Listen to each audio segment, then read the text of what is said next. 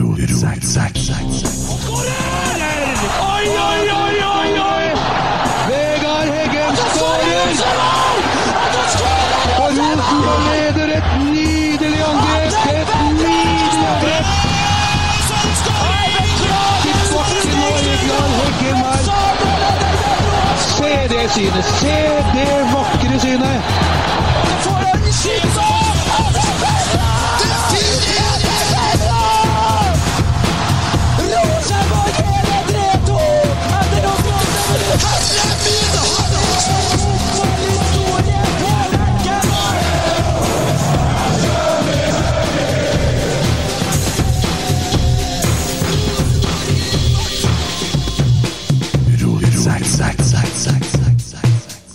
Der er vi i gang.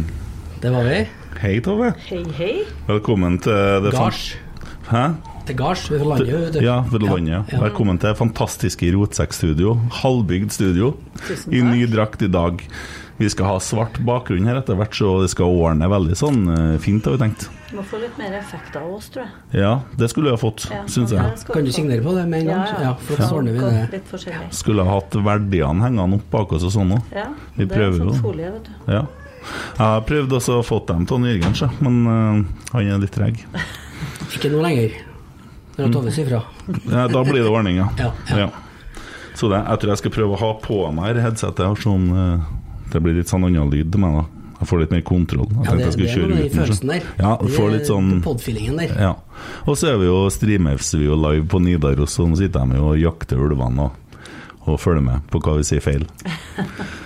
Så ja, eh, da blir det snø i stedet for gress nå, eller? Ja, vi, det gjenstår å se det, da. Men eh, jeg er nå innstilt, og så får vi nå se, da. Det, det er noe eh, skiting den 12. juni. Mm. Så jeg har nå sagt ja og stille som presidentkandidat, da. Og du er innstilt som eneste? Ja, det er jo alltid bare én som blir innstilt. Ja. Eh, Sånn var det jo litt i Rosenborg-styret, men så kan det jo komme noe og Kommer benkeforslag på jo- Tore Strømøy? Kanskje Tore dukker opp der, ja. Vet aldri. Så jeg må bare se hvordan mikk du har, Emil. Hei. Hei. Hei. Er det lyd i ennå? Ja da. Ja, der, ja. Eller det vet jeg ikke. Du- Nei, nei ja, det er jo det, det. Ja. Ja, nei, det blir jo Men det er vel nesten opplest og vedtatt at det blir sånn, da. Vi forholder oss nå til det. Vi går nå ut ifra det. Og så må vi er vi jo litt rask på avtrekkeren her, så Men eh, da er det jo greit å begynne å summere opp og se litt tilbake og snakke litt om hvordan livet blir nå òg. Du slipper å pendle til Lerkendal hver dag, da. Ja, det har ikke vært noe plage for meg det, egentlig, å pendle til Lerkendal. Men eh, jeg har nå vært her lenge, da. Jeg har vært med på mye. Og det kan jo faktisk være kanskje greit for meg, både meg og klubben, at eh, eh, vi tar et skifte nå. For vi er nå på en måte eh, det er mye som har skjedd, det er mye som er lagt til rette, og så passer det egentlig aldri å gå. Så jeg har nå fått noe jobbtilbud før òg, og faktisk et veldig bra et eh, under korona. Men eh, så jeg har jo tenkt på skal jeg gjøre noe annet, så bør jeg jo begynne å gjøre et eller annet annet. Men eh, da var det ikke aktuelt å forlate klubben. Altså. Nei, det som jeg sier, passer aldri, men det er mye bra som skjer på Lerkendal nå, så det tror jeg nok blir veldig bra. Mye gode kollegaer som tar det her videre. Mm. Det er jo ikke sikkert alle som eh, ser Rosenborg eh, er helt enig med at det er så mye bra som skjer, for det har tordna litt i sosiale medier, i hvert fall eh, de siste dagene. Så hvordan er det å være på brakka i sånn, Vi har jo egentlig bare tapt én kamp, men nå begynner folk å Nå begynner det å koke litt, og det skrives, og så har du sånn Otto Ulseth-folk og sånn, men Otto var jo til og med positiv nå.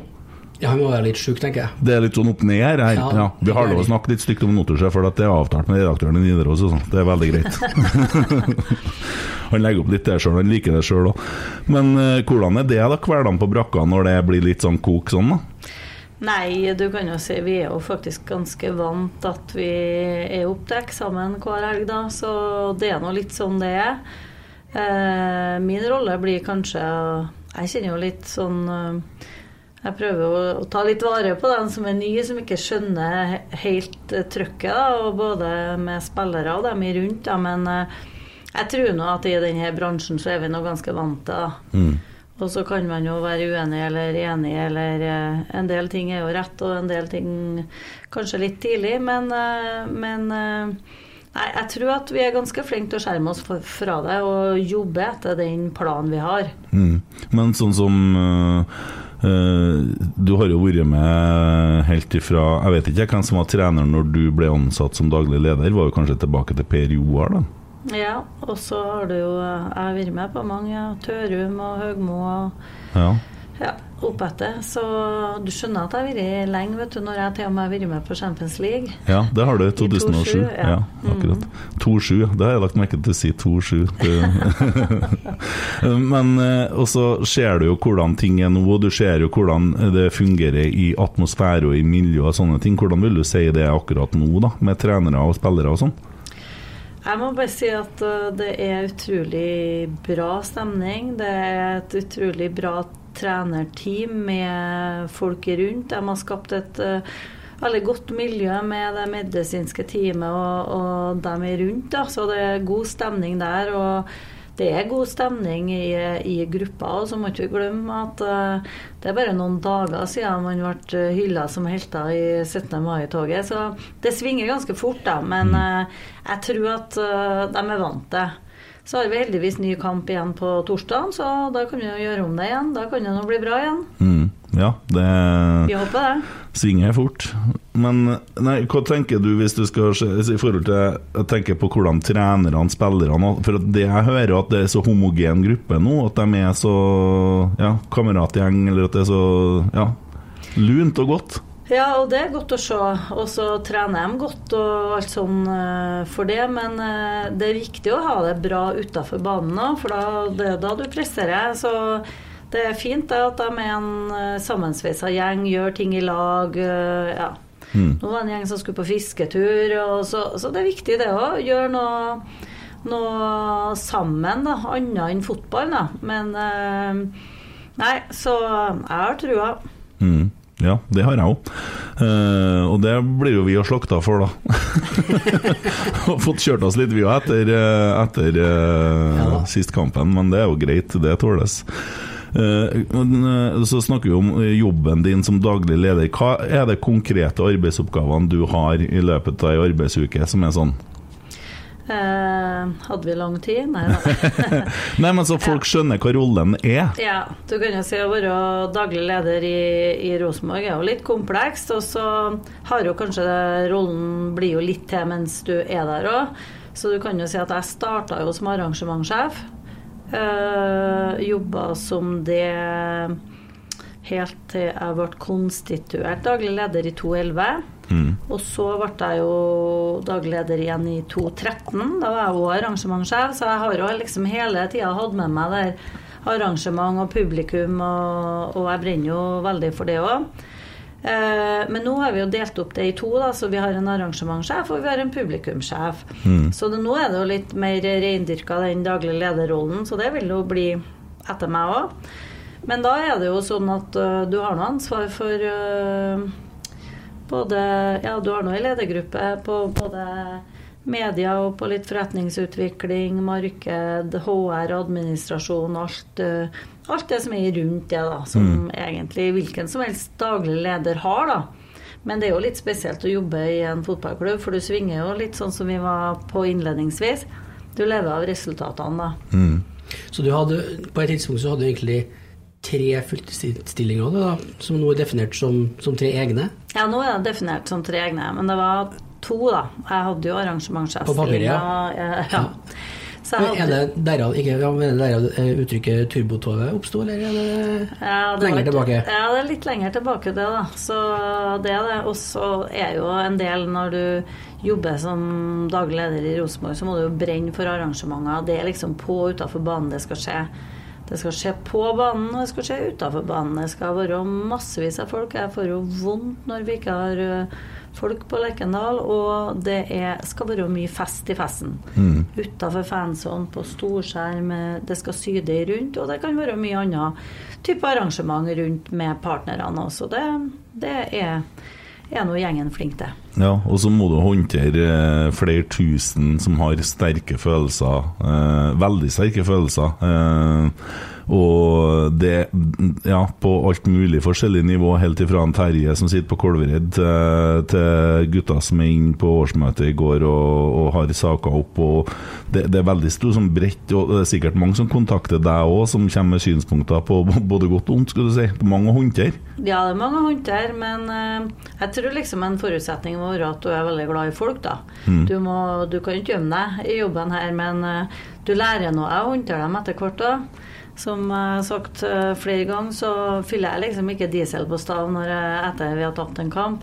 For da får jeg kjeft av den som står i kø, den som står og handler, og til slutt den som står i kassa, liksom. Så, ja. så det gjør ikke jeg. Så du kjører med full tank? til Ja, jeg er rutinert og fyller tanken for før hjemreisa. Ja, hvor fylte du dieselen etter 16. mai? da hadde jeg parkert bilen, faktisk. Ja, ja. Så da, da fylte ikke jeg noen diesel. Da. Fylt på Stab, på Stjørdal, på Overalt, da. Ja, jeg, jeg trodde nå fyller ikke diesel på Stav, jeg trodde det var et, ord, et ord, ordtak man brukte, men nå skjønte jeg. Ja. Ah, på plassen stav, ja, selvfølgelig. Ja, ja, Fyller diesel på stav, er det det de sier i Tydalen? det var på plassen stav. Kjører hjem til Tydalen, men 17. Eh, mai måtte vi gå i tog, vet du. Det, det må vi enten vi vinner eller tape. Ja, det var jo kjekt å gå i tog i år. Det var veldig kjekt. Ja. Det var, også, det var kjekt på mange måter. tenker jeg at uh, En ting var at vi vant fotballkamp på Lerkendal, men uh, Tenk hvor heldige vi er som kan gå i tog når det er krig i Ukraina. Det har vært covid i to år. Det var mange unger som aldri har gått i tog. Mm. Jeg vet ikke, det var utrolig til stemning i byen. Ja. Så har vi jo trenere som lar spillerne gå i tog òg. Mm. Ja, det har vi. Det er ikke alle som har. Nei, det, det er ikke alle plassene de gjør det. De skjermer spillerne for sånt. Ja, Nei, til oss så må vi gå i tog. Det er obligatorisk. Jeg kan ikke skjønne at man sliter ut spillere på å gå i tog. Nei, ikke den lille byen der, nei. Nei, nei ikke, ikke den byen, i hvert fall. Eh, økonomiske situasjonen når du kom inn som eh, eh, daglig leder, den var jo ganske dårlig. Eh, og så gjorde man ganske mange kraftige grep. Det var veldig mange som eh, slutta jobben sin, egentlig. Det skjærte ned til beinet, og fikk det opp på føttene igjen. Og så har det gått eh, litt dårligere nå. Hvordan vil du si økonomiske situasjonen er i Rosenborg nå?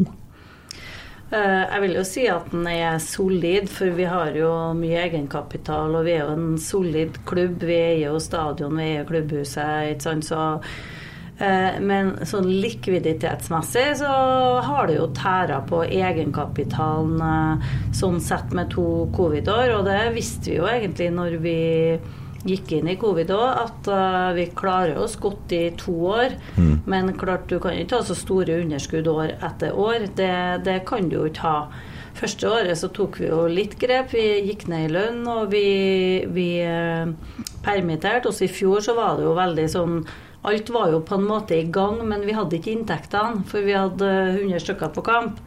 Og vi fikk ikke gjort uh, partnerinntekter. så så økonomien er nok øh, Den er solid, den, men likviditeten, det vet vi at den er litt krevende i 2022. Så vet vi allerede at i 2023 så har vi en 15-20 millioner mer i inntekter. Mm, hvorfor det? For at øh, vi har bl.a. nye medieavtaler. Mm. Ja, akkurat. Uh, ja, Og så er det jo noe som skal foregå oppe i klokkesvingen, som uh, det er store planer om. og Det har jo vært oppe på medlemsmøtene, og man avventer vel litt dem som er på andre sida Sintef, som er der, og ser hvor høyt de får bygge. Og sånn Ivar oppe snakka om, og når de har fått gjennom søknaden sin, så vet vi hvor høyt vi får bygge. Og, men det er ikke noe man skal selge ut. Nei, det håper vi absolutt ikke. Så det, det er jo gjort en uh, veldig god jobb der. Så vi har jo fått omregulert tomta fra en verdi kanskje på 1 million til 100 millioner, og så er det jo en sikker pensjon det, da, for å Så vi har jo en Vi, har, vi er jo en solid klubb. Mm. Ja, og det er jo litt spennende òg, for i forhold til det som en Tore Strømøy snakka om, da, for å referere til han, så, så det med å ha ting som skjer rundt Lerkendal på kampdag, og at det er noen flere muligheter enn bare Domino's Pizza, så det er jo litt spennende å se hva som kommer dit, om det blir bare kontorbygg, eller om det er noen muligheter for å, at det kan være noe plass der folk kan oppholde seg og ta seg en halvliter, eller hva det er noe som er trekket, da. Og det, det kan, jo, kan, jo, bli Ja, hvem som vet hva som kommer dit, men det blir spennende å se. Ja, og det er viktig faktisk å ha aktivitet rundt stadion, for at uh, folk avler folk, liksom. og, og Eh, eiendom er jo faktisk et av de, de eh, satsingsområdene våre òg på videre utvikling. Vi vet jo at i Rosenborg så er det liksom fire ting vi må ha kontroll på sånn økonomisk. Det er spillersalg, det er medieinntekter, det er billettinntekter og det er partnerinntekter. Så har vi den eiendomsmassen. og den vi har jo ganske mye eiendom etter hvert når vi er fusjonert òg. Vi har jo en stadion på Lade, og vi har jo hele Lerkendal-området. Mm. Og jeg tror jo at uh, man må se på det. Hvis du ser på Ullevål, hvor fint det har blitt rundt der, med butikker og restauranter og kafeer, mm. så er det kjempeviktig.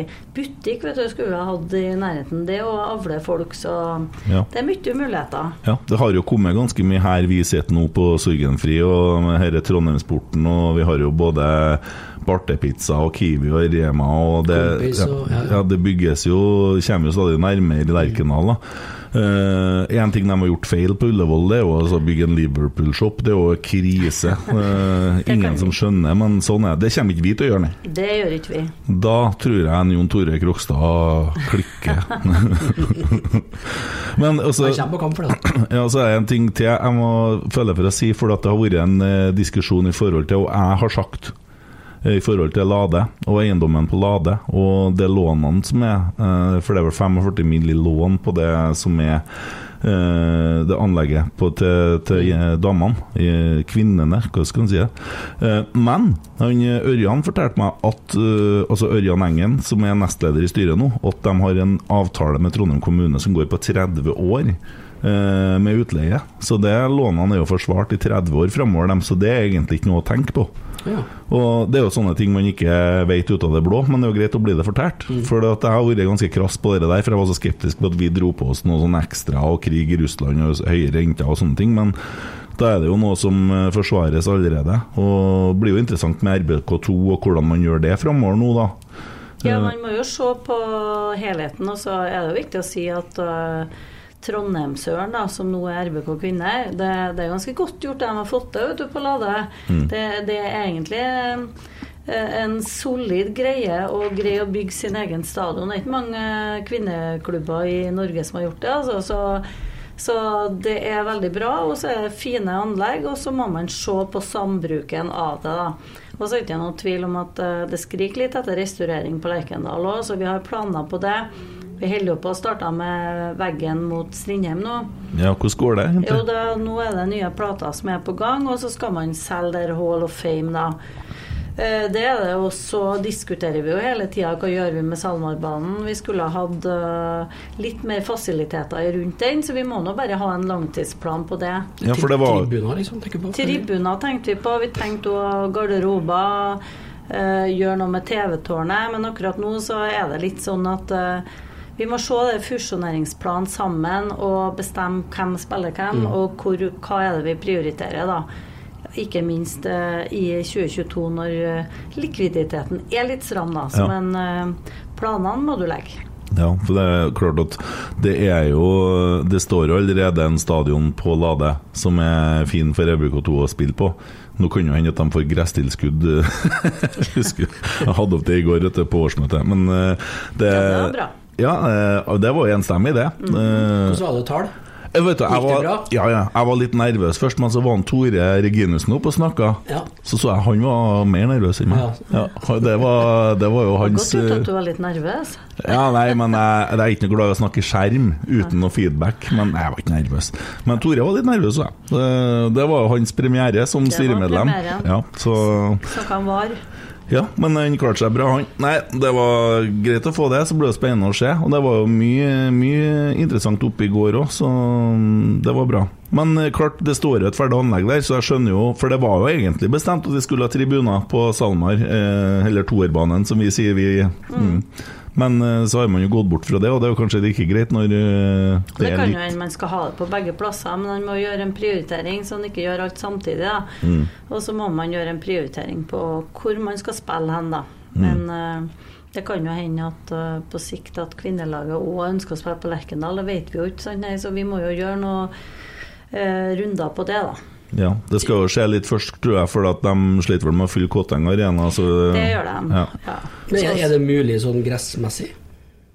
Gressmessig er det mulig, for at uh, på Koteng Arena så skifter de kunstgress samtidig som vi skifter på Salmarbanen, eller Torbanen som du kaller det. Mm. Så gresset skal være like bra. Jeg tenker Hvis RBK kvinner vil spille på Lerkendal stadion? Jeg jeg håper ikke Anders Øyen hører på denne podkasten akkurat nå. Da. Anders er en venn av podkasten, vet du. Så... Ja, ja. Nei da, det, det, er antall kamper og alt sånne ting. Og så har han Kent et uh, poeng der at man, uh, man må ta ting step by step der òg, tror jeg. Ja, 370 ser veldig lite ut på Lerkendal. Ja, mm. det vil man hevde, ja. Det gjør det. Og så holder man jo på nå, de holder jo på å jobbe nå med å fylle kampen RBK Brann. Mm. Det, det er jo en sak, den skal jo være på Lerkendal, da. Mm. Ja, det er spennende å se hvordan det går. Uh, og Vi holder på å prøve å fylle opp uh, kampen til Haugesund i overmorgen. Og det går jo òg litt smått, men jeg regner med at Øvre Øst blir utsatt denne gangen. Ja, nå er jeg fantastisk imponert over dere altså, hvis dere klarer det. For at uh, jeg er så stolt av kjernen og Øvre Øst-sesongen her. Det har vært litt sånn dvale nå. Og det livet som skjedde på Hamar eh, eller i Drammen Jeg hadde faktisk en datter som var med hele dagen i Drammen og var med på bortefeltet. Hun syntes det var helt fantastisk, men hun var veldig lei seg for tapet. Så mm. det var Men eh, det er egentlig utrolig godt jobba. Altså. Så vi er liksom på vei tilbake. Mm. Ja, folk har jo trua, og jeg tror at det blir utsatt på Øvre Øst. Og hvis at folk eh, Ja, det, det har vært så mye kok oppe her mm. at uh, nå har vi to dager å gjøre det på. Vi mangler 1000 billetter, men det går. Ja, jeg håper virkelig det. Og så får vi en lørdagskamp igjen som kan bli enda lettere å selge igjen mot KBK, kanskje. Mm. Hvis de frister til. Ja. Ja, hvis de KBK friskner til, ja. Sånn, da mener du fysisk. Jeg håper ikke at de gjør det sportslig. Nei, jeg mente fysisk. Det var ja. noe push-varsel på at det var 16 stykker som var sengeliggende med noe virus der. De har fått virus, ja. Så får vi håpe at det ikke er Bodø-Glimt som bestemmer om kampen skal spilles eller ikke. Tok den, Emil? Ja. ja. Nei, vi håper jo det at de får utsatt den kampen, for de, hele laget ligger jo ned for telling. Ja. Ja. Eh, når du ser tilbake da, Tove, på de her årene du har vært, eh, er det noe du sånn, peker seg som du ønska etterpå at du gjorde annerledes? Ja, det er det jo helt sikkert. Eh, det er det jo hele tida. Det er jo egentlig med alt du gjør. Så jeg er ganske flink til å se framover og legge ting bak meg, men eh, det er jo alltid ting man skulle ha gjort annerledes. Mm. Det er litt sånn vanskelig å ta ut sånn eh, både sånn mange som spør meg om det, hva er den beste opplevelsen. og litt sånn. Det er litt vanskelig å sette det opp mot hverandre. Så det er ikke noen sånn spesielle ting. Men uh, man kan bli bedre hele tida. Hvis man tror man er utlært, så er man ferdig. Så enkelt er det. Mm. Det du gjorde i går, er ikke bra nok i morgen. Det er viktig å love etter, tror jeg. Mm. Det er ikke en spesielt Nå høres jeg ut som en journalist her, men jeg, som jakter, men uh... Jeg fikk sikkert sånne spørsmål om det på fredag, men jeg har ikke noe sånn spesielt. Det er jo noen ting som er mindre artig enn andre, og så er det noen ting som er artigere enn andre. Og så mm. ja, vanskelig å liksom si sånn enkeltepisoder. Ja, for det er liksom mye forskjellig. Men det som skjedde i forbindelse med Kåre og Erik, da? Ja, eh, det er jo selvfølgelig ikke noe artig sak. Det er jo en sak vi skulle ha vært som jeg tror både Kåre og Erik og klubben skulle ha vært absolutt foruten. Så det er jo en trist sak. Mm, og det fikk jo på en måte Man fikk jo litt slagside. Fordi at uh, Uh, også, vi skal ikke diskutere hvorvidt det var rett og galt og sånne ting, men når ting ble håndtert som det ble gjort, og så forsvinner 5000 fra stadion Det er en ganske dramatisk uh, reaksjon fra publikum òg, og det er jo på en måte et signal til klubben at her bomma man. Ja, det var det. Og så hører vel med til historien at det forsvant vel litt uh, før det der òg. Det var jo på den mm. sesongen, da. Men selvfølgelig skulle man ha blitt enig. Uh, begge parter skal bli enige der før man kommer til en rettssak, så det er en trist sak. Ja. ja. det er jo det, og den har jo på en måte Jeg føler vel at det begynner å slippe litt nå. Erik har jo vært med i noen podder, og du ser jo at han er jo glad i klubben. Og som jeg sier, drømmegjesten her har jo vært Kåre Ingebrigtsen, mm. egentlig. Og fått bare en sånn jeg elsker Rosenborg og vil at folk skal gå på kamp, og klubben er jo størst, sant. Uh, så, men vi har jo vært gjennom noen runder som sånn lenger tilbake, og jeg vet jo at på 70-tallet sånn Nils Arne måtte jo gå, sant? og det var noen episoder før i tida, men det er en helt annen dimensjon på ting nå, for det, det blir sånn kok med media og sosiale medier og sånn. Så, men det, jo, det skal jo læres, da. Det skal læres, og så er det fotball, og så er det ikke noen unnskyldning. Men det er jo veldig trist det som skjer i fotball, at det er veldig sånn korte intervaller. Det er jo det vi snakker om, at det er om å gjøre å ta noen hele tida. Mm, ja, og så er det jo en kollega av deg som har eller styreleder, som har fått det veldig da, de siste årene. Utrolig mye fokus på én en enkelt person, egentlig. Uh, og, og dere der òg er funksjonen til styret og uh, kontra styreleder og sånn. Uh, han har jo egentlig bare én oppgave, å representere det som styret har vedtatt i et lukka styremøte. Det er jo ikke sikkert han mener det han sier engang, for at han må bøye seg etter et flertall. Ja, og det er jo litt sånn forståelse blant folk, det òg. For ikke sant, det er jo en styreleder som både fronter de sakene utad, da. Så er jeg jo enig med deg på det, at uh, Ivar har jo fått uh, Uh, unødvendig mye pes. Han har gjort utrolig mye bra for klubben, og det er viktig å komme på det. da. Og viktig mm. å komme på takken for det òg. For det er ikke noe enkel rolle å være styreleder i Rosenborg heller. Det er Nei. ikke noe enkel rolle. Det er litt sånn som du sier, samme hva du tar på deg i dag, så er det ikke noe enkel rolle for å være en sånn mediefigur. For det er alltid noen som mener noe. Så det er veldig enkelt å sitte på sosiale medier og mene noen ting òg, når man ikke kjenner saken. Mm. Så, nei, så det, det er nå litt sånn, det, da. Dessverre. Mm. Ja, og så går du nå over til et liv i Sannsynligvis, da, og, og blir skipresident. Og der har du òg ting som har skjedd med medieavtale. Og det, det, er tatt over av sånne folk som har kommersialisert det veldig, og tallene går jo nedover. interessene er litt så, sånn så og sånn. Du har en ganske formidabel oppgave der, da. Ja, det er ikke noe tvil om det. At, uh, for å si det sånn, så hvis jeg blir valgt som skipresident, så er det ikke noe sånn enkel oppgave. Det er ikke noe walk in the park, for at det er mye å ta tak i, og det er mye som, som uh, det er mye som funker, og så er det mye, som, mye jobb som må gjøres. Da. Så, så, sånn er det jo. Mm. Eh, men jeg tror òg det at det er veldig mye sånn informasjon og kommunikasjon, da.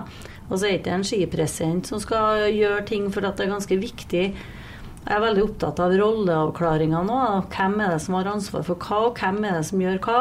Mm. Men når det er sagt, så er det så alltid, enten om det er ski eller fotball eller hva du holder på med, så er det alltid noen som tror at det er et eller annet, så kanskje kan man Man blir aldri flink nok til å informere, men man kan i hvert fall prøve å informere enda mer, da. Det tror jeg. Så jeg tror at om det er styremøter, så kan man jo kanskje ha pressekonferanse etter styremøtene.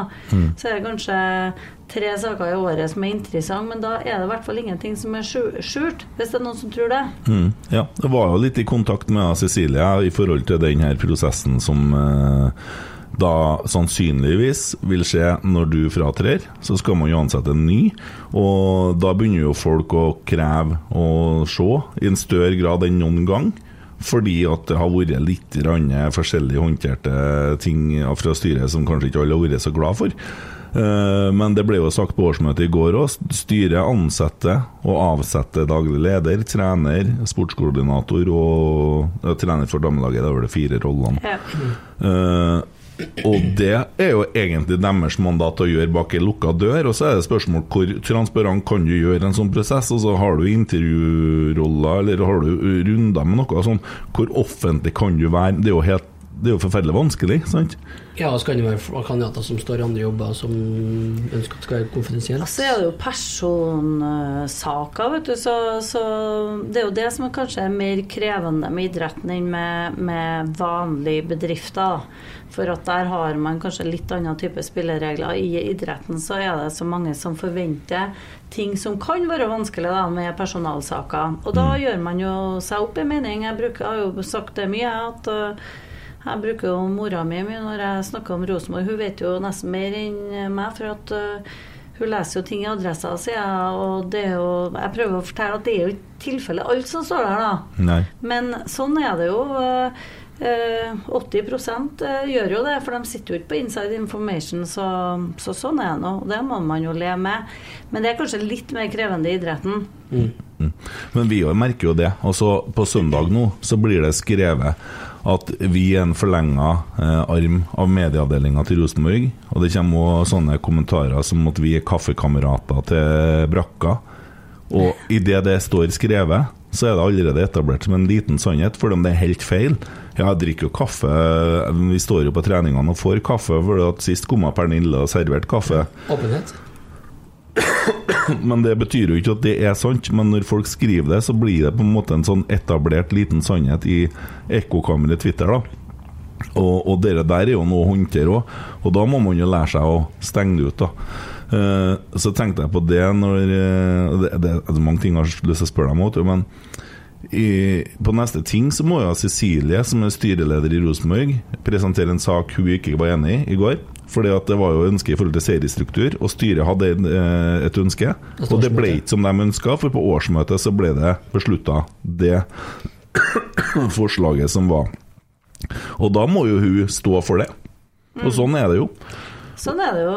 Eh, vi er en medlemsklubb, så sånn er det jo. Det er jo derfor man har eh, ting eller årsmøter. Eh, mm. Da er det jo det. Og så tror jeg vel egentlig ikke at man er direkte uenig, for at det er jo ikke noe som tilsier i dag at den der sluttspillmodellen er bedre enn den modellen vi har i dag. Mm. Hvis man skal diskutere noe type fra Rosenborgs side, så tror jeg man er kanskje er mer opptatt av type antall lag i forhold til det. Men Uh, nei, men det som du sier, det, det er bestemt nå. Så, så det, det ha, der har årsmøtet talt, og da må man presentere den saken. Ja, Men da kan man jo risikere igjen senere at media sier at Cecilie mener det, og hun er en person som sier det. Men det var faktisk ikke hennes mening i utgangspunktet, men det er hennes jobb å gjøre det. Ja, det er nettopp det, og da må du fremføre det. Og da, mm. da er det rolleavklaringene igjen. Man må være, være veldig tydelig på hvordan de er, da. Mm. Det tror jeg man kan aldri slutte å forklare nok, da. Nei, for det, da er jeg litt tilbake til Ivar og hva han har måttet ha stått i, ikke mm. sant. Og det er jo ikke sikkert at han har ment alt han har måttet ha sagt en gang, men det styret har ment det. Kanskje var han imot det flertallet, sant. Mm. Men eh, så, Og så kommer det til en annen ting, og vi snakker om ansettelsesprosesser. For det var jo en kar som sendte en mail en gang i tida her for noen år siden. Han Roar Vikvang. Og han har jo fått kjørt seg litt, og så har jo den prosessen kommet opp litt òg. Eh, hvordan var det det skjedde, egentlig?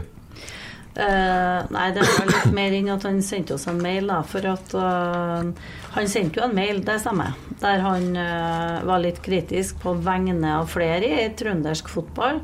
Og det tror jeg jo kanskje var med det rette. Mm. Og så er det jo litt sånn at vi må jo etterleve verdiene våre. vi har jo åpenhet, folkelighet. Og så var det jo under den perioden der akademiet Der man gikk for eh, at man hadde nederlandske trenere òg.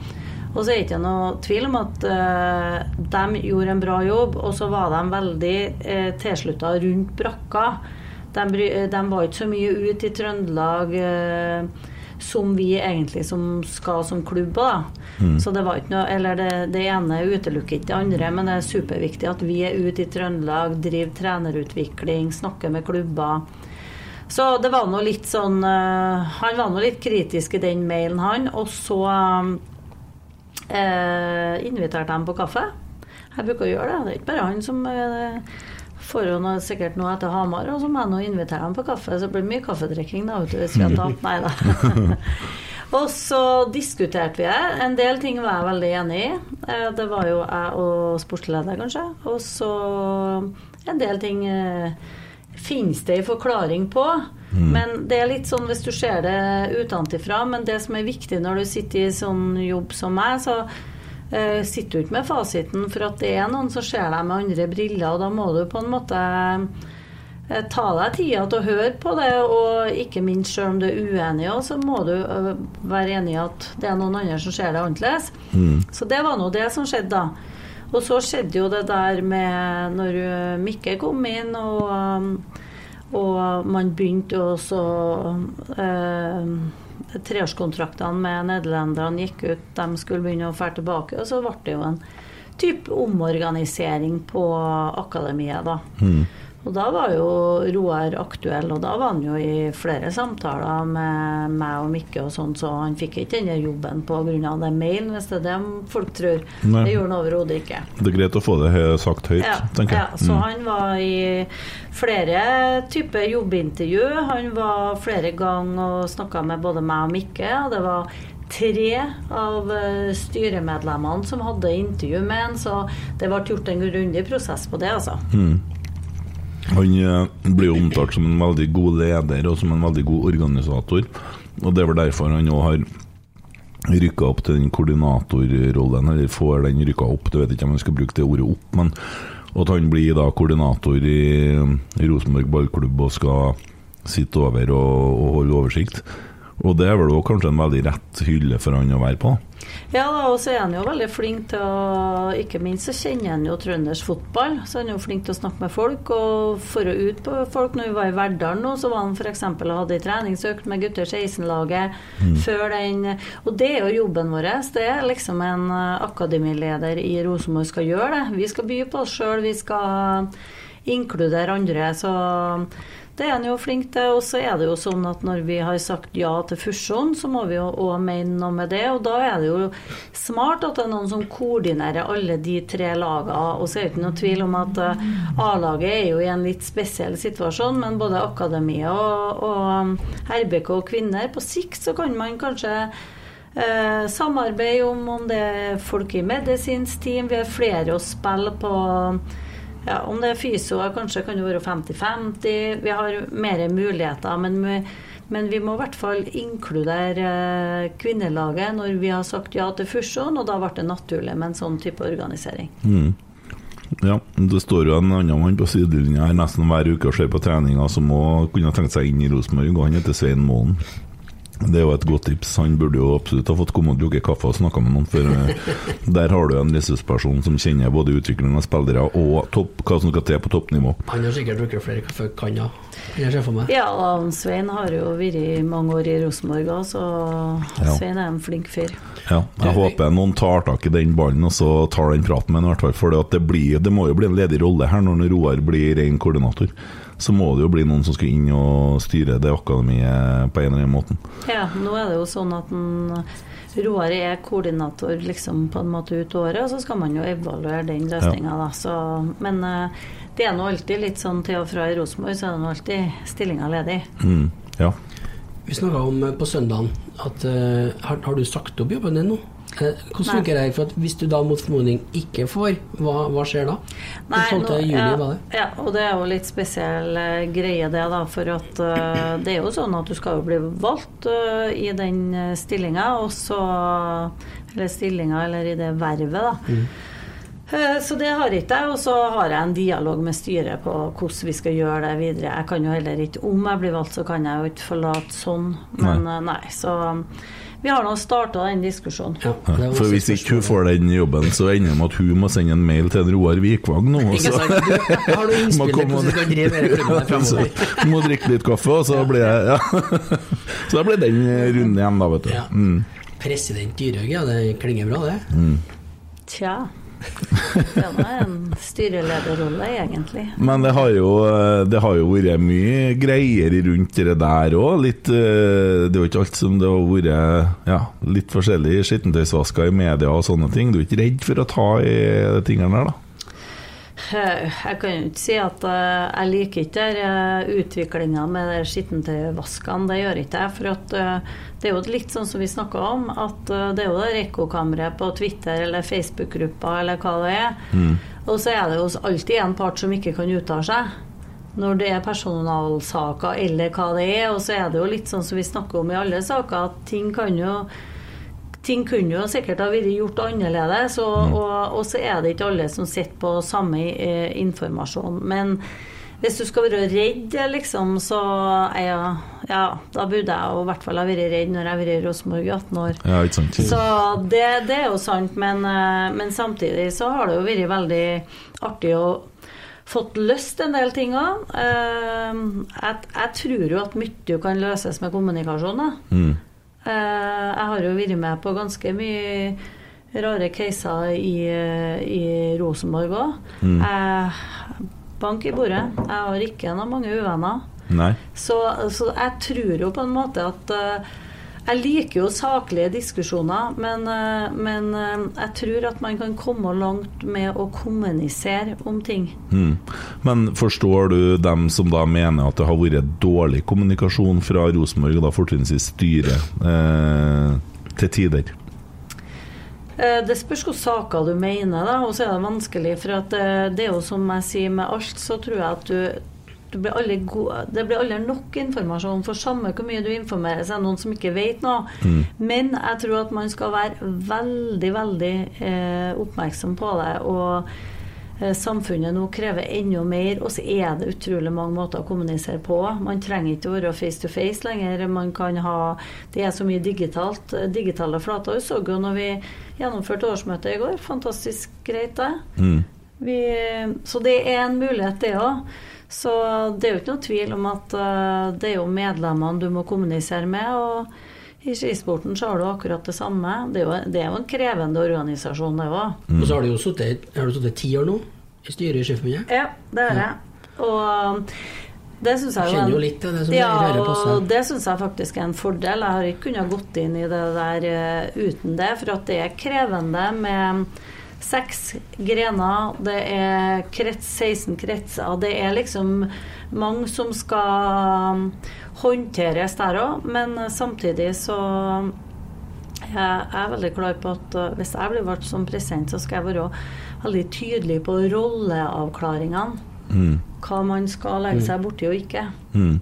Men ja, øh, fisker litt nå, men igjen, det er kommunikasjon, styre. Det kom jo veldig sånn klar uttalelse på de siste punktene i går om at man tar avstand fra Qatar. Det, øh, så, øh, man har, det ble liksom opplest og vedtatt på årsmøtet.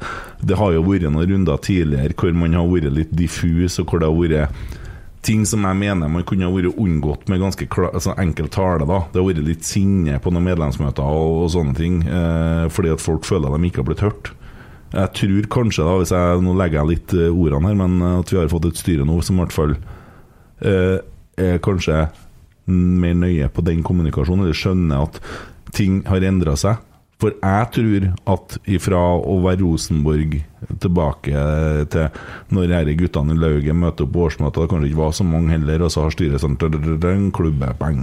Og så er de på en måte bare går litt med strømmen, og så nå begynner det å komme litt sånn kvasser folk som er, har meninger og tanker, og ganske sterke meninger. Og opp og snakke, det så vi på sakene i går, og det er ganske mange som er engasjert her. Og at det styret som er nå, skjønner det, at det kanskje er en litt sånn endring i tida. Eller har det vært sånn før òg? Uh, det har blitt litt sånn før òg, men det er som du sier at det er en endring i tida. Og så er det jo litt sånn at man lærer jo litt av den kritikken man får òg. Altså, nå er det jo veldig oppe i tida at uh, vi er heldige som har så mye engasjerte medlemmer. Kjempeheldige. Og da kan du si at Eh, da er det jo sånn at da må man jo bruke medlemsmøtene godt, eller man kan gjøre ting imellom medlemsmøtene. Mm. Vi har jo lært mye på to år med, med korona. Da. Vi har jo blitt digitale. Mm. Vi har jo ikke sant, vi har kjørt medlemsmøter på live på Facebook. Det er mye du kan gjøre. Og det er ikke sånn at du må samle flere hundre stykker Eh, hver måned. Så, så det må man bare lære på. Medlemmene, vi har oppegående medlemmer som vil ha mer informasjon, og da må man gi mer informasjon. Mm. Spare karbonaler òg, vet du. Ja, det gjør vi, vet du, men det koster jo mye å filme. Vet du, ja. Skal vi ta noen spørsmål fra lyttere? Ja. Emil er på ball. Twitterratet, vet du. Det har, vi har jo spurt, og folket har svart. Mm -hmm. eh, Jonas Høne Sunde, da. Må, må begynne med, han bruker ofte å gjøre det. Eh, nå er vi tilbake til fotballen igjen, selvfølgelig. Hva er Toves drømmeelver i hennes RBK-tid? Ohoi. Det var jo litt av et uh, spørsmål. Uh, jeg, hatt, jeg, var jo i Heia Fotball på P3. Da mm. måtte jeg jo ha et sånn drømmelag. Mm.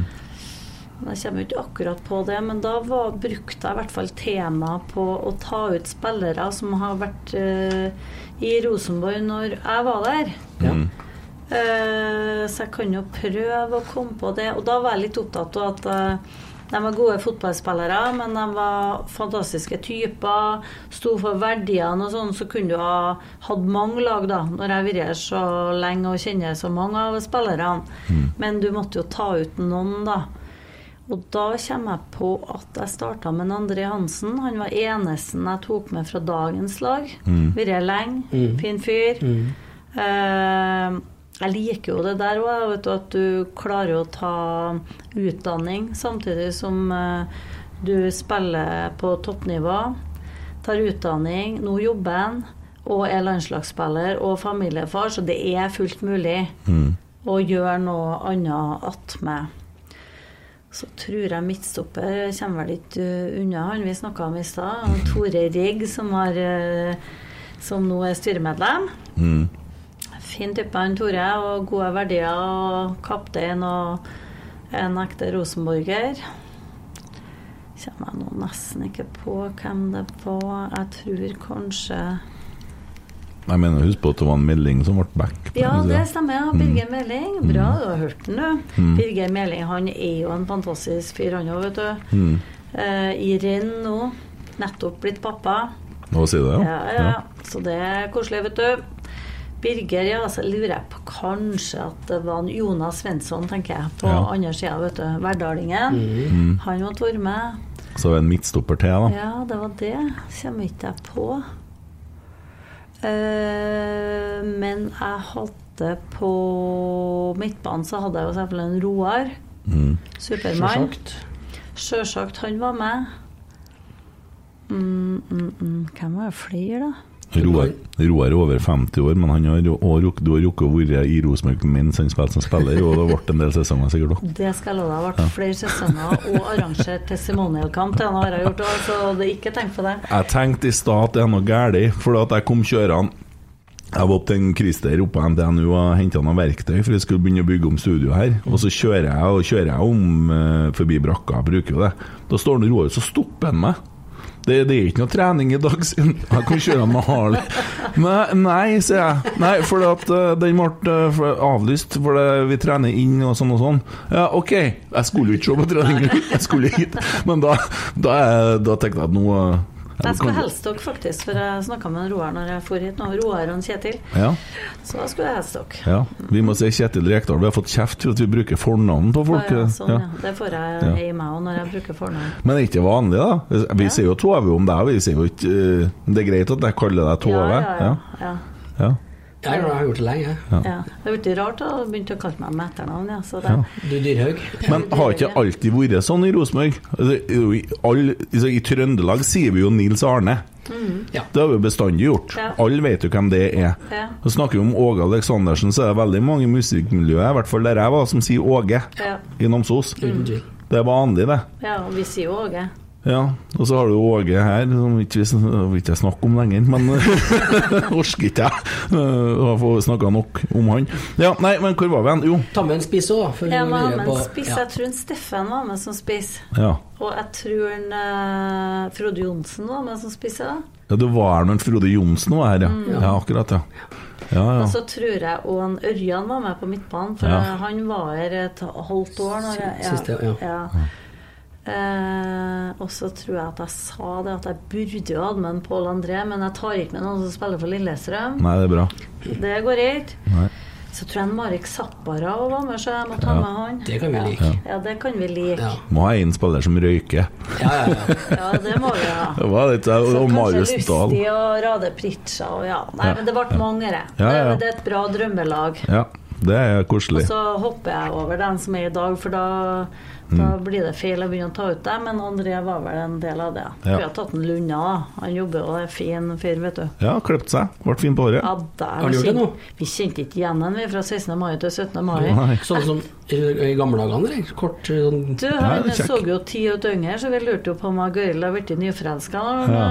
Han var på brakka etter kamp og spiste kampmat og alt mulig sånn, og så møter han på um, Frokost 17. mai, vi kjente jo ikke igjen den. Nei. ja, ny, ny, spiller, ja. Akkurat. Ja, det var ny spiller, ja. ja. Nei, ble kjekk, syns jeg. Ja. Ja. Mora som har klippet den. Å, er det ja? Ja, du skjønner at det er ikke noe mye åpent 16. mai eller Nei, det er ikke det. Nei. Mora som har klippet den, ja. Mamma drev og klippet meg og Jonas, for det, det var ikke bra. Så aldri ut på det, vet du. Ja. Har du flere spørsmål? Ja, du. Det var fint, det der. At Eh, du Malcolm spør eh, fortell om hva som skjer i kulissene når vi henter en ny spiller. Niklas Bentner f.eks. Hvordan jobbes det med å holde dette skjult? Og så skriver han etterpå 'Takk, Tove, for årene du har gitt oss'. Ja, en bauta i RBKs historie. Jonas skrev også takk, altså. Ja. Ja. Hjerte, hjerte. Eh, nei, du kan jo si at uh, det er jo det er jo alltid litt sånn hemmelighetskremmeri når du skal hente en spiller. Eh, først så må, jo, blir han jo scouta på av sport, og man tenker sånn Og så om vi klarer å holde det, så er det så mye ulike interesser, vet du, både i forhold til klubb og agent. eh, eh, ikke minst for å få opp prisen, sette dem opp imot andre klubber. Men uh, type Niklas Bintner, det er jo litt spesielt case, da. Men uh, da vet du jo at det er en spiller som uh, eh, vil bort. Mm. Eh, og så var det jo litt sånn eh, som ville ha restarta igjen. Og så da er det jo det er jo bra å være Rosenborg. Eh, stor klubb, bra navn og, og litt sånn, da. Så det var noen, noen eh, runder rundt det da, før man ble enig med det. Men eh, det klarte man vel kanskje å holde ganske Man gjorde det. Ja, gjorde det, for det var da vi hadde der nye... nieren. Nummer ni ja, opptatt. ja, ja. Dæven, hva jeg gikk og trodde, og hva jeg spekulerte, Mm. og hva folk prata Hvem kan det være, hvem kan det være? Og så kom det plutselig, da. Ja. Jeg får gåsehud bare jeg snakker om ja, ja. Det var Nei, så den, eh, den eh, ble eh, Den var hellig hemmelig, ja. Men så er det noen ganger at agenter lekker, eller spillerne, eller, eller klubbene helst, da. Mm. Klubbene helst for å få opp penger. Men eh, der var det jo en sånn enighet. Så nei, det stemmer, det. Vi klarte å holde den. Det ble, det ble litt kokt den kvelden. mm. Ja, det var herlig. Ja. Nei, og så tenker jeg på Du treffer jo så mye folk, og du blir jo glad i dem. Sant? Og Så, så, jeg husker Knut Tørum, var det i 2007, når han hadde den pressekonferansen mm. med Terje, når han uh, felte noen tårer og sånn. Jeg likte han så godt, men så var det Det ville seg liksom ikke helt sportslig, da. Så det ble jo sånn Og alle var jo bare lei seg. Har du mange sånne som du har kontakt med etterpå? Som Ja, liksom, jeg har faktisk altså, jeg har kontakt med meg. Jeg er jo litt sånn som deg og av og til blir litt glad i folk, da. Men Knut Tørrum er innom brakka. Han eh, har vært innom brakka flere ganger og sånn. Og jeg er jo litt opptatt av det òg, at det er litt fint. det At, eh, fordi om man eh, skilles eh, på den jobbgreien eller spillere som, som fær, så er det jo utrolig viktig å, å ta godt vare på dem, og at de er alltid velkommen inn på brakka og på Lerkendal. Det er jo helt uh, fantastisk hvis du kommer på 100-årsjubileet. Når vi inviterte gamle spillere, da kom de jo alle. mm, Og, og det er litt viktig at de kjenner at de hadde god tid i Rosenborg. mm, ja, og det, det er sånn eh, eh, tenker på Rune Bratseth nå, som har eh, det som skjedde for noen eh, måneders tid siden, eller noe sånt. Og når han da bare finner ut at det er nok nå, og orker ikke noe mer, så var han på trening dagen etterpå. Ja, og der må jeg bare si at uh, Rune er jo en rosenborger, og han er jo raus. Mm. For at uh, da er vi tilbake igjen til at det er lov til å være uenig, det, men du må være saklig uenig. Men det han ble utsatt for òg Han er ganske raus. Det er ganske mange som mener at han burde gjort noe med det, men da snakker han med folk og sier han ferdig med det, Rune. Mm. Det er han eh, så Men han eh, Ja, så orker ikke noe mer, men han er glad i laget for det. Så han kommer til å være på trening. Han var på kamp. Mm. Ja, jeg så han jo dagen etterpå allerede kom og bumpfista. Eh, man blir jo glad i folk, som sagt, og det, det er jo sånn Vi er jo så Og så setter han alltid klubben framom seg sjøl, og det tror jeg er en god egenskap. da. Ja. Det var han tydelig på etterpå, at han godt bidra på andre områder, han. Ja. Mm. Jo, men også ja, Og du ser på alt det som blir skrevet, og det påstandene igjen, og så er det sånn straks én skriver det, så er det noen andre som tror at det er sånn, for at det skrevne ord har ganske stor makt, også. Det, Folk det er sånn, og så blir det sånne grupper, og så blir det litt sånn massesuggesjon rundt det. da. Ja. Så, men det er jo ikke sånn at resultatene kom etter han slutta, heller, så kan det ikke være hans feil eller direkte, kanskje. Nei, Og så er det nå engang sånn at det er verken styret som trener laget eller tar ut laget eller kjøper spillerne. De, mm. de legger til rette rundt det. Mm. Men Er ikke det litt artig, da, som han Malcolm snakker om i forhold til spillekjøp og sånne ting, når det blir litt sånn spenning? Ja, veldig artig det. Det er veldig artig det. Ja. Og, eh, nei, det er mye artig som skjer da. Ja. Får du vite om alt de jobber med, eller de casene som mest ja, sannsynligvis er, er, litt større? Jeg må jo vite det, for det er jo mm. pengene til slutt vet du, som rår. Mm, ja. Men ja, nei da, så vi har en veldig god, god samarbeidsform der, da. Det har jo vært sånn i Rosenborg at det har sett ut som det har vært en sånn krevende organisering, men det har jo vært sportslig leder, daglig leder og hovedtrener må jo alle være enig mm. Og så er det jo ikke eh, Er det jo på en måte scoutinga og alt det rundt, er det jo sport som tar seg av. Ja. Men vi snakker jo hele tida om det, og det, det er jo et veldig Det er jo en spesiell eh, Det er jo litt menneskehandel. Det er jo det vel med. Jo, jo, men eh, ja, det, det, der er noe altså, De er noe, har jo markedsverdi da, mm. i forhold til ja, de, de, er jo varemerker. Men jeg tenker på Det ryktes jo nå at det kommer et voldsomt overgangsvindu til Rosenborg til sommeren. Eh, fordi at det er spillere som kanskje er for gode til å sitte på benken osv. Eh, er det noen ting som Har man allerede begynt å ta de samtalene? Du kan si at uh, det er nå alltid mye rykter rundt Rosenborg, og så er det alltid noe som skjer i overgangsvinduet. Eneste som er sikkert. Men det der er så spesielt, det òg. Det er litt sånn timing is everything. For at uh, det er ikke bestandig sånn at du tenker at uh, dem du tror det blir bud på, mm. så kommer det bud på andre, og så må du erstatte her og der. og litt sånn så Men sport jobber jo selvfølgelig kontinuerlig. Det er jo jobben deres, og de jobber jo kontinuerlig med det. Mm. Har du vært i noen samtaler som, eh, med kasuser som er sånn at vi tenker at å herregud, vi bare gleder oss til august? Eh, ja. Kan bare si noe, oh, ja. bare gi deg sparken. jo da, det, det, det, jobbes jo hele tida, så, så, det er jo spennende. Men samtidig så er man jo veldig opptatt av å utvikle de spillerne vi har. Ja. For vi har et ungt lag med mye bra spillere. så jo, jo, men så er det jo ting som er opplagt. Og så Faye Lund han vil spille, og han er snart på utgående. Så han kommer til å dra, det skjønner jo alle. Og ja. da må det en keeper inn. For, ja, så, Sander Tangvik ble tatt ut i U21-troppen ja, akkurat nå. Det så, så det var fantastisk. Jeg så det, og han er veldig god. Og Rosenborg 2 i går kom under 3-0 for Kolstad. Eid andre omgangen, ble 3-1, men dæven hvor de eh, Det var bra, altså. Mm. Så litt på det årsmøtet samtidig. Vi bomma litt med årsmøtet i går i forhold til den kampen. Men uh, jeg syns det var fint å se, for det ja, eh, må ta med oss det positive her, så kjemper de godt. Overgangsvinduet er, eh, det er artig, og så kan det være litt trist, da, for at eh, det, det blir ikke noe sånn hvis du blir kjøpt opp, da, så jeg vet ikke noe mye ha det i garderoben. Da er han borte liksom dagen etterpå. Sånn, mm. sånn skjer jo egentlig ting i et overgangsvindu. Da. Ja.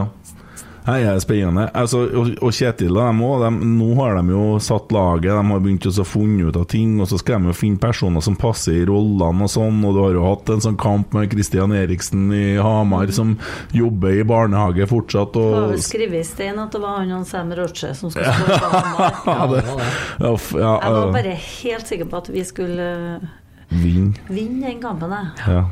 Det var så det var litt sånn ja, at vi skulle få et sånn skittmål på slutten. Ja, og så detter vi litt sammen og mister mm. litt sånn i denne her intensiteten og ser litt veik ut igjen. Men eh, vi har jo konkludert med at det er kanskje fordi at vi har et litt ungt lag, da. At vi At det svinger litt, kanskje. Ja, mm. Det blir lavere bunnivå av det òg, at det blir litt vanskeligere å komme seg opp i men eh, vi får for se toppnivået eh, på torsdag mot eh, Haugesund. Ja Mm. Ja, sjølsagt. Mm. Eh, par spørsmål til da, før vi begynner å nærme oss klokka her, ser jeg. Eh, Mikael Johansson, ingen spørsmål, men et stort, stort takk. Det går jo igjen i hele tråden, egentlig, at folk har satt utrolig stort pris på den jobben du har gjort. Eh, nyklipt Lerkendal eller nypreppa Granåsen? Det er da et dilemma. Nyklipt Lerkendal. Nå i hvert fall. Ja. ja. Ja, men det er greit. Mm -mm. Ja, Kommer du til å fortsette å gå på Lerkendal og se kamp? Oh, ja, ja, ja, ja. Det gjør jeg, ja. Hvordan, er det sånn at du da også må sende melding Kan jeg komme på lørdag, eller kan du bare komme spradende? Nei, jeg kan jo kjøpe meg en billett òg. altså, nei, nei, det gjør jeg. Og medlem er jeg, vet du, og alt sånn. Så ja. Rosenborg hjerte, det er alltid hjertet, så det er ikke noe trøbbel med, nei. Mm. Viktig spørsmål fra Hans Tore Lem. det var artig, den Emil. kan du se for seg å komme inn i styret til RBK på et tidspunkt? Nei, nå tror jeg vi må ta en ting i, i gangen her. For det første så er jeg nå daglig leder ennå, og så må jeg nå se om jeg blir valgt, da. Jeg er jo innstilt som uh, skipresident, og så må man jo ta det deretter. Mm. Men jeg har levd et så langt liv at jeg utelukker ingenting. Men jeg tenker på, det må være litt rart for deg, for du har vært her siden altså, Nils Arne Eggen har jo vært trener mens du har vært daglig leder, mm. i 2010. Ja. Mm. Eh, også, og nå har det jo Rosenborg i dag er jo noe helt annet enn hva Rosenborg var for to måneder siden. For at med denne fusjonen og det her eh, mye større styret, det, det er masse endringer på gang. Store endringer. Det må jo være litt rart òg, for det er mye som never will be the same, på en måte. Ja da, og så er det jo litt det vi snakker om, det er litt tida det òg, da. Og så kan du si det med, med, fusjon har vi jo på en måte jobba med i to år, da, så vi er jo egentlig der. Men det er jo egentlig nå den store jobben starter, da, for å mm. implementere det enda mer, da. Og så er det jo veldig mye nye folk i styret, men det er jo mye flinke folk, det òg. Så sånn sett så det er jo litt sånn som jeg starta med, at uh, timing is everything. Uh, og det er mye Du kan si uh, Vi har fått publikum tilbake, men det må det jobbes med, ikke sant? Men vi har ansatt publikumssjef.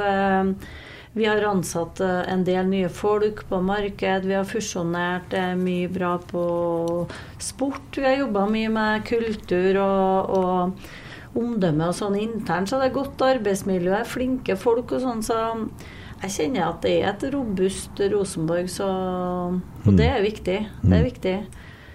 Eh, så jeg vil alltid være glad i Rosenborg, og det er fantastisk at jeg, at jeg kan gå inn på brakka og drikke kaffe og ja. Jeg er mm. kompis med både styret og ansatte, så det er, en, det er en, god tanke å tenke på det. Mm. Det blir sikkert litt rart òg. Rart blir det, vet du. Det blir rart. Og så var det jo sånn at det har vært litt sånn berg-og-dal-bane på om jeg skulle takke ja til å bli innstilt. For at uh, jeg skjønte jo det at uh, det ville bli litt styr rundt. Mm. Så jeg brukte mye tid på det, og fått mye tid egentlig. For at uh, har jeg har ikke jeg fått det, så har jeg liksom ikke sagt ja til det. Og så ble det litt spesielt på, på fredag, men, eh, men, så er jeg litt der at når man tar noen avgjørelser, og så tar man noen avgjørelser. Så mm. nå er jeg jo veldig motivert for det, og så gjenstår det å se om jeg blir valgt, da. Fikk du mange tekstmeldinger på fredag, tror du? Det var mange, ja. Det var veldig mange hyggelige tekstmeldinger. Veldig, veldig mange. Ja. Ser for meg det var litt kok i stunden. Det var litt kok. Ja. ja. det var et kok. Ja, men du, eh, hvis du drar, så etterlater du vel et Rosenborg som er i ganske god stand og veldig forynga. Og kanskje ikke gull i 22, men eh, stor sannsynlighet for at det kan bli artig bra i 23. Hvis vi beholder trenere og spillere. Ja, det tror jeg. For at det, som jeg sier, det er jobbes veldig bra på sport, og, og det er forynga der. Og det er det litt i administrasjon òg. Og det er ny kompetanse og ting. Så det er absolutt uh, gode planer og Nei, så jeg tror at det kan være litt smart òg. Med mm. litt skifte av uh, litt type kompetanse, så Har du noen tips til hvem som eventuelt blir daglig leder etter at Tove? Nei, det tror jeg kanskje ikke at det er så mange som vet det. Og så gjenstår det å se hva styret tenker om det. Men, eh, men eh, Så det må de jo tenke på. Hvilken type profil ønsker man på mm. den jobben, da. Mm. Ja, det kan jo fort hende at den heter Roar Vikvang, for alt du vet. Ja, vanskelig for meg å svare på det. Det er ikke Vi fikk vel svar på i går hvem det er som ansetter Det er styret. Ja. daglig jo, jo. leder. Men du har jo tenkt tankene, du har jo tenkt litt på hvem det er. Ja, jeg har vært veldig, veldig opptatt av å tenke på, på um, at ting er så bra som det er, da, hvis mm. jeg forlater. Det er jeg veldig opptatt av, og det skal jeg nå gjøre sammen med styret. Så jeg skal nå gjøre det de ønsker i forhold til det. Ja, du har jo budsjettert med andreplass i år, da. Det, det. det, er ganske brutalt, det kan se ut som. Nei, det er fort trua på det nå, ja. ja. Hvis man må komme på det med seier med Vi har jo tapt én kamp, da, og så har vi selvfølgelig vunnet for lite. Vi har uh, uavgjortkamper. Men har vi nå vunnet på Hamar, så har vi hatt like mye poeng som Bodø-Glimt. De eh, er ikke avskrevet i gullfighten ennå, dem. Så de har jo både ett og to, én og to kamper mer enn som ligger oppå her, så nei, dæven. Seier igjen på torsdagen, og så har vi trua. Ja, så møter vi Vålerenga på søndagen. Mm. Ja, det gjør vi òg. Og så er vi Kristiansøy. Ja. Nei da, det kan, kan, gå bra. Det blir i hvert fall artig. Det kan være lurt å være positiv til det motsatte bevisst, ja. prøver jeg å si. Men det var vanskelig etter Hamar, altså. Ja, det, det, var tungt. Det var ja, det var bare tungt. Ja. Ja, men det blir litt når du ser spillerne er litt sånn der òg, at de mister litt den derre Vi blir litt skuffet da, vet du. Mm. Ja ble Ja. Flere spørsmål, eller? Nei, jeg tror vi begynner å nærme oss på tida til Tove, så det, ja, ja. det har vært hyggelig her. Ja, koselig. Ja. Ja. Det blir spennende å se da, hvor det ender men det sier seg vel nesten sjøl. Vi har jo gått ut ifra det, vi nå som kjører på så fort. Men, ja. da. ja. ja. Nei da, det blir spennende, det. Blir det. Så da får vi se. Men uh Nei da, vi får se. Ja, da sier vi jo bare tusen takk for innsatsen du har gjort i Rosenborg alle de her årene, og gleder oss til å se deg på kamp og se at du framsnakker Rosenborg ski, for, som skipresident. Eh, møte opp med Rosenborg-logo og sånn da, eller nei? Ja, vi så jo Liten pinn? Ja, ja, vi får se. Vi får se. Nei da, man må jo bli valgt først, og så får man jo se. Men eh, Rosenborg er alltid i hjertet. Det er det eneste som er sikkert. Mm. Tusen takk for at du tok deg tida til å være her med oss. Og lykke til videre. Takk mm. for det, og tusen takk for at jeg fikk komme.